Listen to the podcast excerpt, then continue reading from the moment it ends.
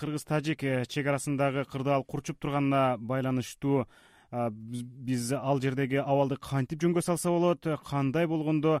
Мындай жаңжалдар келечекте болбойт деген э, теманы талкууламакчыбыз. Анда бишкектеги кесиптешим бакыт орунбековго сөздү узатайын саламатсыздарбы урматтуу радио каармандар. Бүгүнкү биздин талкуубузга улуттук коопсуздук комитетинин мурдагы төрага орун басары марат иманкулов саясий серепчилер алмаз тажибай жана мурат аким катышмакчы. Саламатсыздарбы? Урматтуу эксперттер э, мына баардыгыңыздарга тең бирдей суроо бергим келип атат э, ошол боюнча өзүңүздөрдүн пикириңиздер менен бөлүшсөңүздөр деп турам. Мына кечээ жүз берген э, кыргыз тажик чек э, арасындагы тургундар ортосундагы орун алган жаңжалдын чыгыш себептерин эмнеден көрүп атасыздар? Эми ар кандай пикирлер айтылып атат. Бирок айрым маалыматтарда бул жаңжалга сырткы күчтөрдүн дагы бир чагымчыл аракети таасир берди деп атат да. Марат мырза сиздин пикир. Саламатсыздарбы урматтуу окуучулар? Дагы азыркы э, баткенде болгон окуяны эми баарыбыздын жүрөгүбүздү мындай ачыштырып турган окуя болуп атат. Э, өкүнүчтүүсү бул маал маал менен болуп турат да. Көп жылдардан бери чечилбей келаткан маселе бул. Жанагы чек ара маселеси чечилбей келатпайбы делимитация демаркация процесси жүрбөй атат. Э, аягына чечилбей келатат. Мына ошол экинин кесепетин мына азыр эл көрүп атат. Эң кейиштүүсү ошо баткендеги биздин жарандар ошол жерде туруктуу жашаган элдер көп жылдардан бери он чакты жылдардан бери кыйналып келатат да ушу ушул маселе чечилбегендиктен мен могу мүмкүнчүлүктөн пайдаланып мен ошо э, биздин мекендештерге бир э, колдоо иретинде э, бекем кармагыла сабырдуулук сабырдуу болгула жанагындай эмоция калтырбаңыздар жанагындай провокация кыла турган күчтөргө алдырып кайра ушул кырдаалды күчөп кеткенине жол бербегиле деп айткым келет да. Эми бул жерден элдин шору болуп атат да. Бир эл күнөөлүү эмес. Эл ушундайга ушундай кырдаалга дуушар болуп калды да бул жана эки мамлекеттин ортосундагы ушул маселени чече албай көп жылдардан бери чече албай келаткандыктын кесепетинен сиз ошо чече албай жатканын себебин эмнеден көрөсүз? Эмне үчүн мынчалык э, узакка созулуп атат э?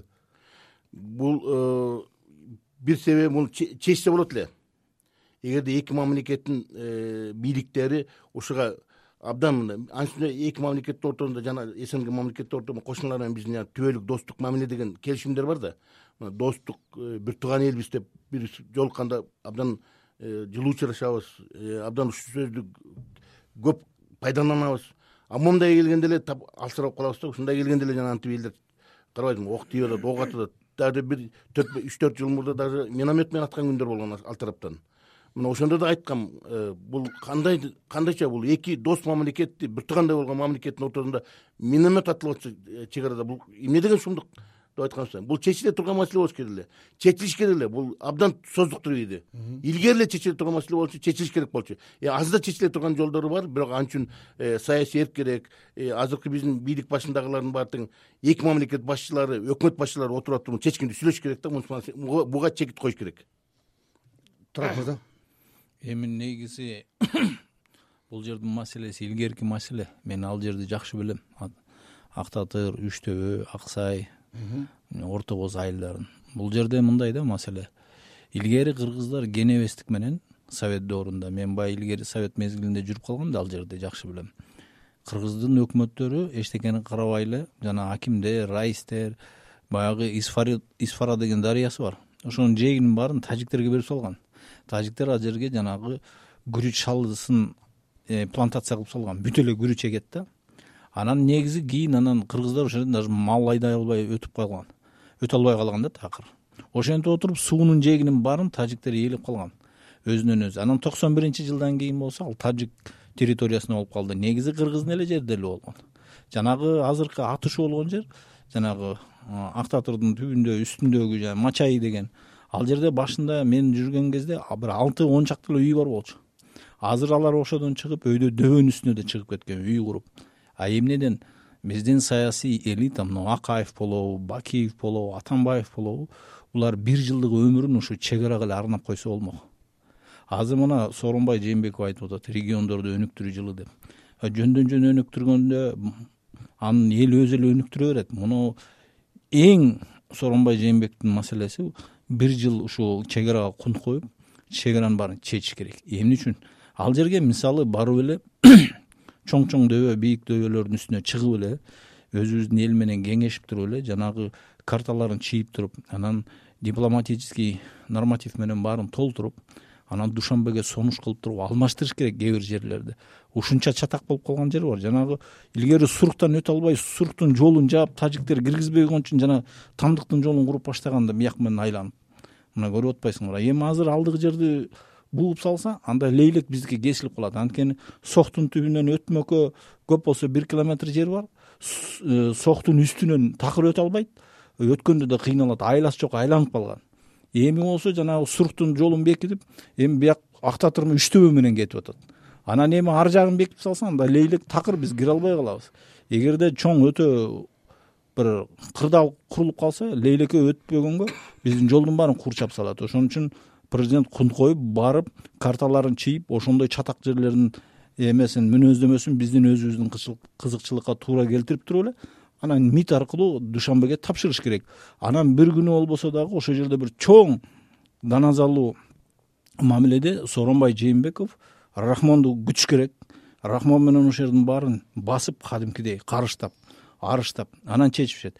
А президенттер буга көңүл бурбай эле биякта эле жүрө берсе албетте чек арада элибиз ушинтип эле кыйналып калат алмаз мырза мына эми эки тараптын деги жаштары айыл тургундары таш атканга чейин барып курал көтөргөнгө чейин э, барып атпайбы? Мына ушундай деңгээл чыңалууга жетишине мындай бир күндүк бир э, чыңалуу мындай бир э, ситуация кырдаал себеп болгон эмес болуш керек. Мүмкүн ага чейин да бир бир топ жагдайлар себеп болдуго дейм. Эгерде мындай алып көрсөк ошо чек ара маселелери боюнча ар бир жылда ушу чек аранын инциденттери көп эле болот да ошонун көбүнчөсү мисалы тажикстан менен мисалы мурдагы жыл болсо он инцидент болсо ошонун арасында төртөө өзбекстандар менен калгандары тажикстандар менен келип келип атат. Жана айтып кеткендей эле минометтер менен дагы атышуу болгон да мурдагы жылы ал э, негизи болгондо жанагы ак сайдан жол өткөрүп атпайбы ошо жол менен анан азыр мен айтып кетет элем э, өкмөттүн арасында алдында ошо чек ара боюнча эки мамлекеттин алдында ошо комиссия бар. Комиссия болсо ошолордун баарын издеп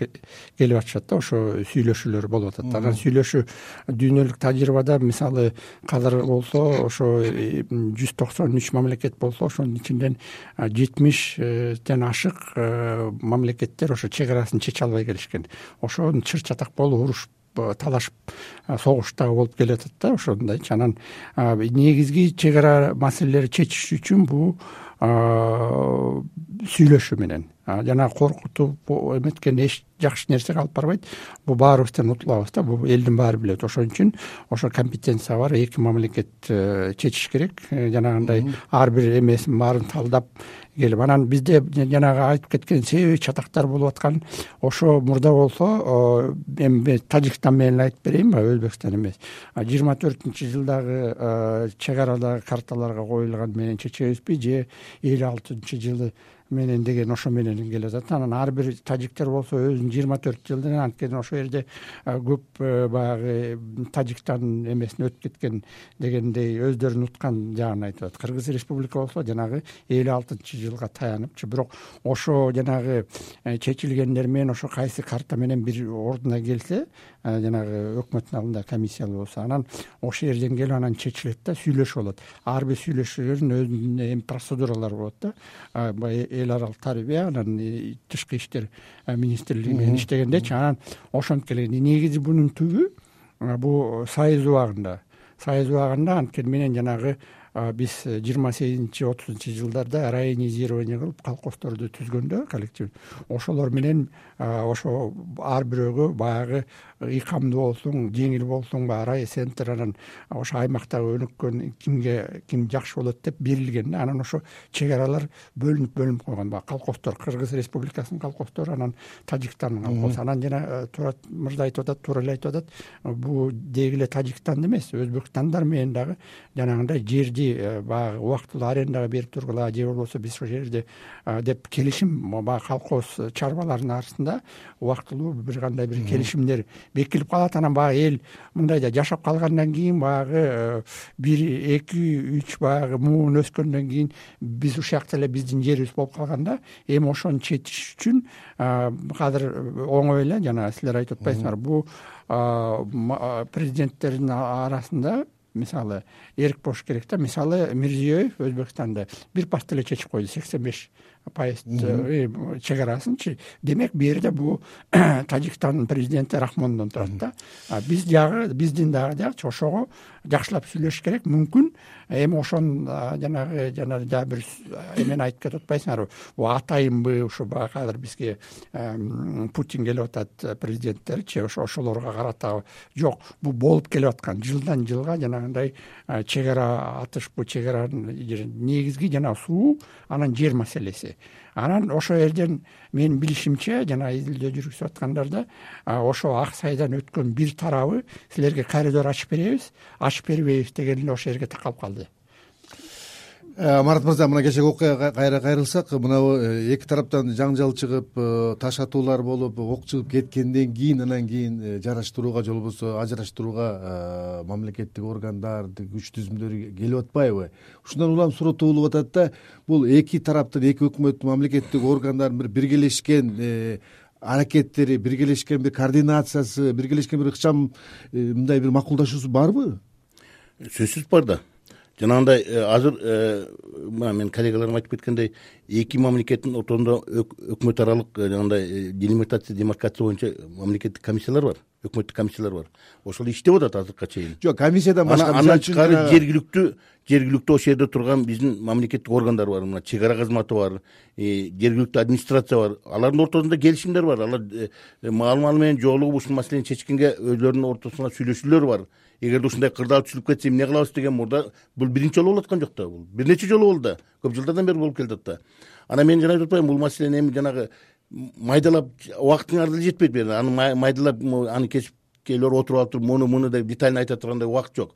Мен эмне үчүн бул маселе чечилиш керек болчу деп атам. Эмне үчүн муну ишенимдүү түрдө айтып атам. Анткени биз фундаменталдуу келишимге кол койгонбуз.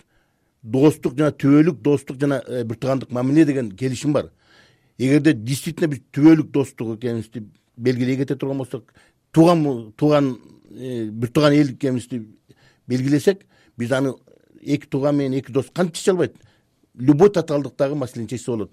Ошондуктан мен буга ишенимдүү бар жанагы эле саясий эрк керек.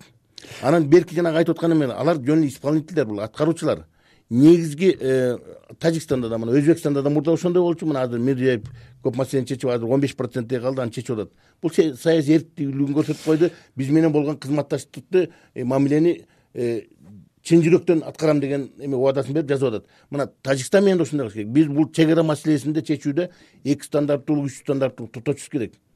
Элдин кызыкчылыгы үчүн тажик эли үчүн кыргыз эли үчүн анткени бул маселени бир жактуу чече албайбыз анткени маселе эки тарап жөндөсөң болуп атат. Ошондуктан буга отуруп алып чечкенди түшүп туруп а жанагы ошол жерде отурган аткаруучуларга ошондо чек ара кызматтарына жергиликтүү бийликтердин баарына тең алар аны аткарыш керек.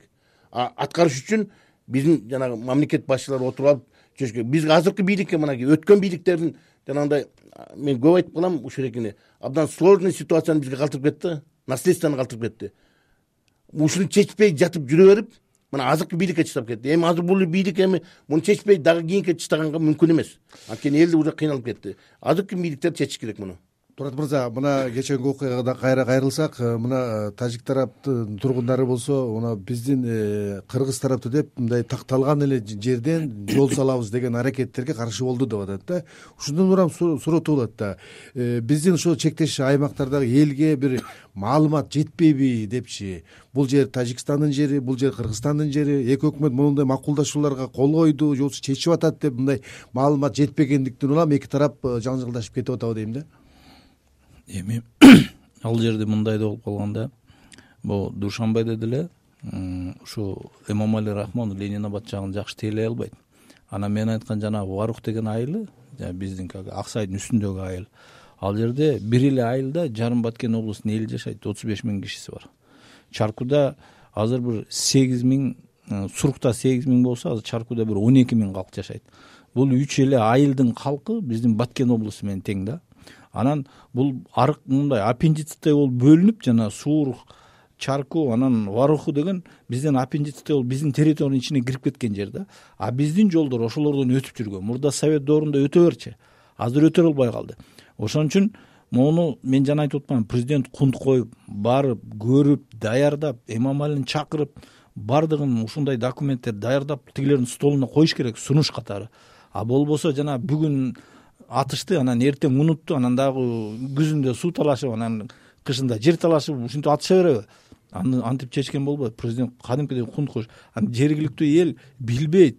Анткени аларга барып алып эмне токон мамытов көрсөтүп туруп азыр токон мамытов чечкен маселе э, чек араларды чечкен жерлердин баарында атыш. Мына өзбекстан бери жака могу кочкор атада дагы бекер алып транзитный полосаны алып туруп эми кыргызстан жака көчүрүп салган өзбектин пограничниктери мурдары жүз метр ары жакта жүрсө бери жака кирип алган. Мунун баарын токон мамытов жасаган. Ошон үчүн ушундай бийликте жүргөн кишилер э, кандай пара менен чечип атабы муну? Аны президент карасын да анан эртең барганда кандай чечилет ал жер? Ошону дагы туура чечип анан элдин жанагындай э, айыл башы болот айыл өкмөтү болот. Ошолорго карталарды берип түшүндүрүп анан ошол жерге отметкаларды коюп зым тартыш керек да. Ал оп оңой эле. Мисалы бизде чириген байлар бар. Ошол эле баткенден жанагы эле икрам илмиянов. Ошо каны менен каны менен э, ошол өзүнүн баткендигин далилдеп түрмөдөн чыгам десе ошол барып туруп он миң зым километрди алып барып элине таратып столбаларды чачып берсин. Анткени кыргыздын кунун жеген бала. Аны ачык эле айтып коюш керек анан ушундай шадиев сыяктуу. Токтоп туруңуз. Шадиев сыяктуу. Акчаны уурдап жеген баткендиктин баарын алып барып туруп ошол жерге зым тартып элине зымын ташып берсин эгерде документке мээси жетпесе. А документти президент даярдатып мид менен погранзона менен кадимкидей чечсе а болбосо бул маселени чечпейбиз баткендин олигархтары качып жүрө берет акчаны көтөрүп алып. Дагы бир маселе а биз эл болсо кырылып өлө берет. Дагы бир маселе мына алмаз мырза сиз билесиз мына ошол чек ара аймагында жашаган элдер үчүн бир топ эл аралык уюмдар ар кандай долбоорлорду сунушкылы ошону ишке ашырып келген эле да. Да мына ошол ынтымакка ырашкерчиликке чакырыш үчүн болгон эле да. Мына ушулардан э, натыйжа чыктыбы сиздин оюңузда. Менин боюмча натыйжа чыккан чыгып эле келатат. Биринчиден ошо эл аралык долбоорлордо мисалы бүткүл дүйнөлүк уюмдарда могу наркотика боюнча башкармасы бар. Ошо башкармасынан же дагы башкалар мисалы милиция кызматкерлерине жардам берген ошол жерде шарттарын түзүп берген ошо кызмат кылгангачы ошондой эле чек арачыларга ошондой эл аралык жактан жардам келип атат. Мындай айтканда э, айылдык жергиликтүү бийликтерге э, мамлекеттик бийликтерге ошол жерде болуп аткандарычы жардам берип ошо керек болсо биз эмес ошо тажикстандын дагы тарабына ошондой кылып баары шарт берген. Анан жоопкерчилик бул э, жана сиз айтып аткандай эл аралык мамлекеттерде эмес эл аралык уюмдарда эмес бул өзүбүздүн бийликте суроо болуп атат да. Эми ошонун баары камсыз кылган.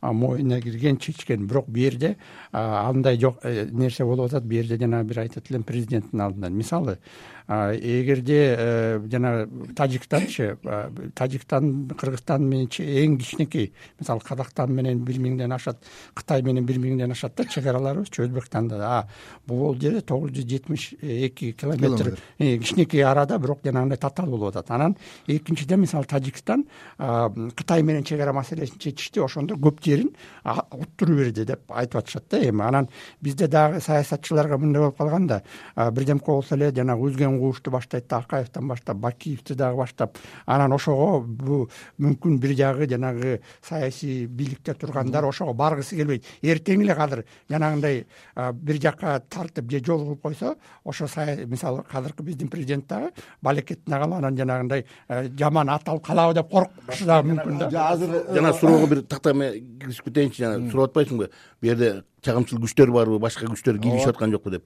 Мынакей бул чатактын азыр биздин маалымат алганга караганда тажик тараптын жарандары келип алып туруп эмне үчүн? Мореки э, жанагындай э, чечилбеген жерге эмне үчүн кыргызстан тарап жол салып атат деген нааразычылык көрсөтүп ошондон башталып кетип атпайбы?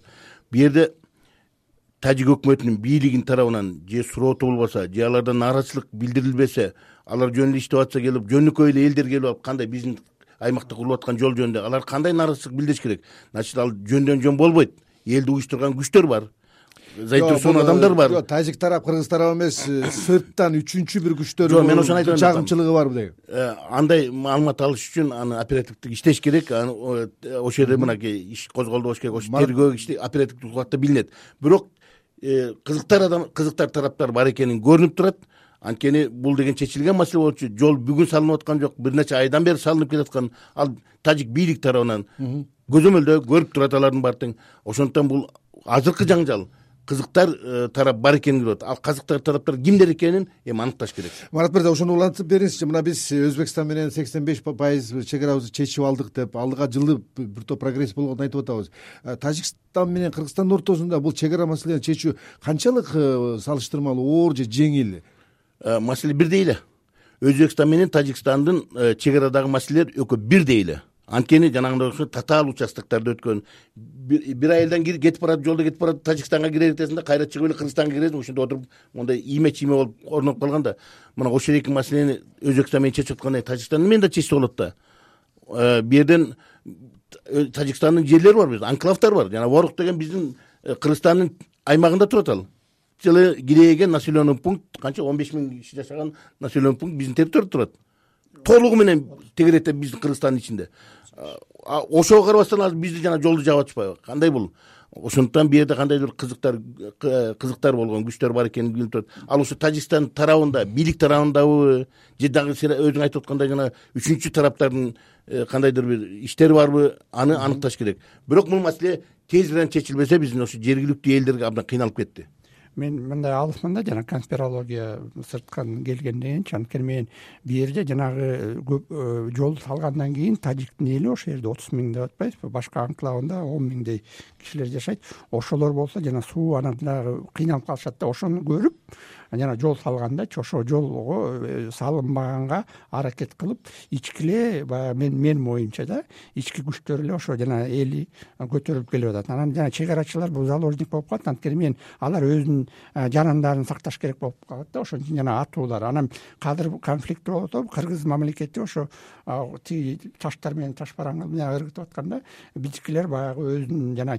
чийилген бул эме мыйзам менен убактылуу чийилген эме биз жол салып аткан чек бизге кирет да. Ошону биздин э, чек арачылар киргизбей баягы жолду тосуп алган да. Ошол тажик тарапка дагы кыргыз тарапка дагы ошол маалымдуулук жетпей калганбы деп атам да. эми бул жер тажикстандыкы бул жер казакстан кыргызстандыкы дегенчи жок маалымат бар маалымат бар. Тажикстанда бар. Бирок ошолор айтып атпайбы уттуруп атпайбы жанагы эгерде жол салынып калса жанагы көпүрө дагы салынган да анан кийин ошо салынып калса суу маселеси жанагы ворокко келгендечи чектелип калып атат да ошого каршы чыгып атат эличи турат мырза мына сиз жыйынтыктап бериңизчи. Мына эки кошуна элдин э, чек арасынын бекем болушу үчүн эки элдин ынтымагынын бир ырашкерлүү болушу үчүн дагы эмне кылышыбыз керек? Биз өкмөттөн эле талап кыла бербей биз чек ара жайгашкан эл да бир жоопкерчиликти алышыбыз керек го дейм. Жок урматтуу бакыт мырза. Бул жерде биз деген чыгыш мамлекеттери болобуз. Бизде чыгыштын өзүнүн менталитеттери бар. Бизде деген патронатный мамлекеттер дейт. Баары бир эмомали рахмон менен сооронбай жээнбеков келбесе мына менин коллегам айткандай кечээ эле тиги мирзиеев менен жакшынакай чечип койбоду мына марат агай айткандай. Ошон үчүн сооронбай шарипович өзү чечиш керек анан разаковду шылтап койсо анан анысы губернаторго табыштап рахмат рахмат. биздин убактыбыз дагы жетпей калды урматтуу радио көрөрмандар бүгүн биз кыргыз тажик чек арасында э, түзүлгөн кырдаал же анын себептери аны чечүүнүн жолдору жөнүндө кеп кылдык. Бүгүнкү биздин талкуубузга улуттук коопсуздук комитетинин мурдагы төрага орун басары марат иманкулов саясий серепчилер алмаз тажибай жана турат аким катышты. Берүүнү мен бакыт орунбеков алып бардым. Кайрадан эфир аркылуу жолукканча саламатта калыңыздар